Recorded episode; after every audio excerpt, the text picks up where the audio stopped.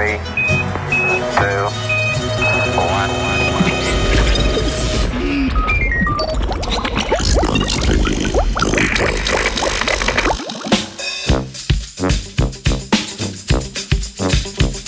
Zamujena priložnost.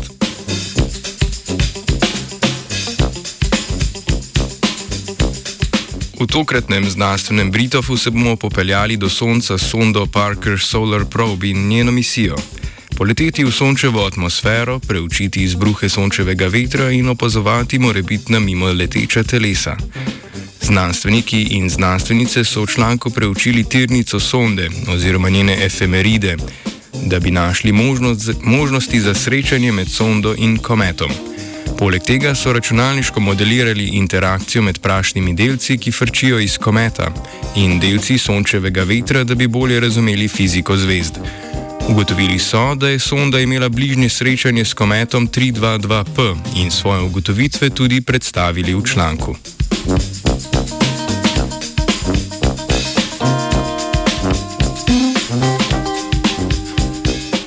Kometi in njim podobna telesa so nekakšni fosili našega osončja in jih najdemo skoraj povsod v našem sončnem sistemu. Ker so nastali približno istočasno kot naše Sonce, nosijo informacije o takratni podobi sistema. Več misij se je že odpravilo raziskovati takšna telesa. Prva med njimi je bila polet sonde ICE skozi rep Halleyjevega kometa, sonda Giotto pa ga je poslikala od blizu.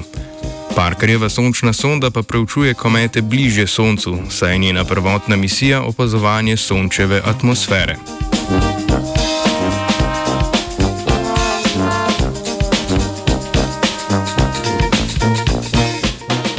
Naša sonda je ujela komet 322P tri dni po prehodu njegovega perihelija, torej točke, kjer se komet najbolj približa Soncu in kjer je izparevanje vode najmočnejše. To bi sondi omogočilo relativno dober pogled v njegovo sestavo, če ne bi bila ravno takrat obrnjena v nasprotno smer. Tako smo zamudili možnost neposrednega slikanja in izgubili pomembne podatke za preučevanje tega kometa.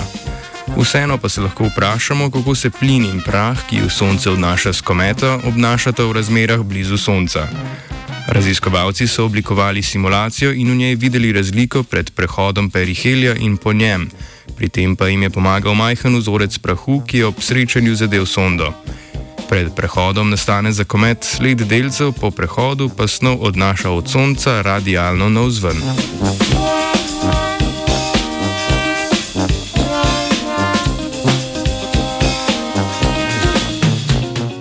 Simulacije kometovega masnega pretoka so se izkazale skladne s sicer bolnimi meritvami. Nakazujejo na to, da bi komet 322P lahko postal tako imenovani kamniti komet. Tak komet v času svoje poti okoli Sonca izgubi večino ledu, ostanejo pa le še prašni in kamniti delci.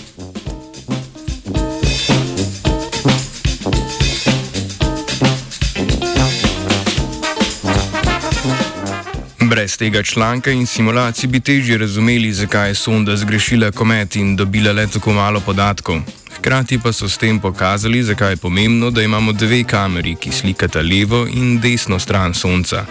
Ker so kometi tako blizu Sonca zelo redki in nosijo pomembne informacije za razumevanje dogajanja v Sončevi bližini, jih ne želimo zamuditi, kot jih je zamudila sonda Parker.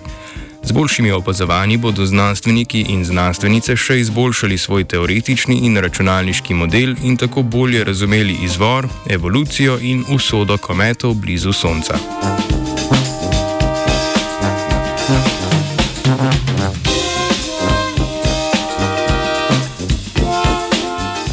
Kartico s svojim imenom ima na Parkerjevi sončni sondi tudi vajenec Filip.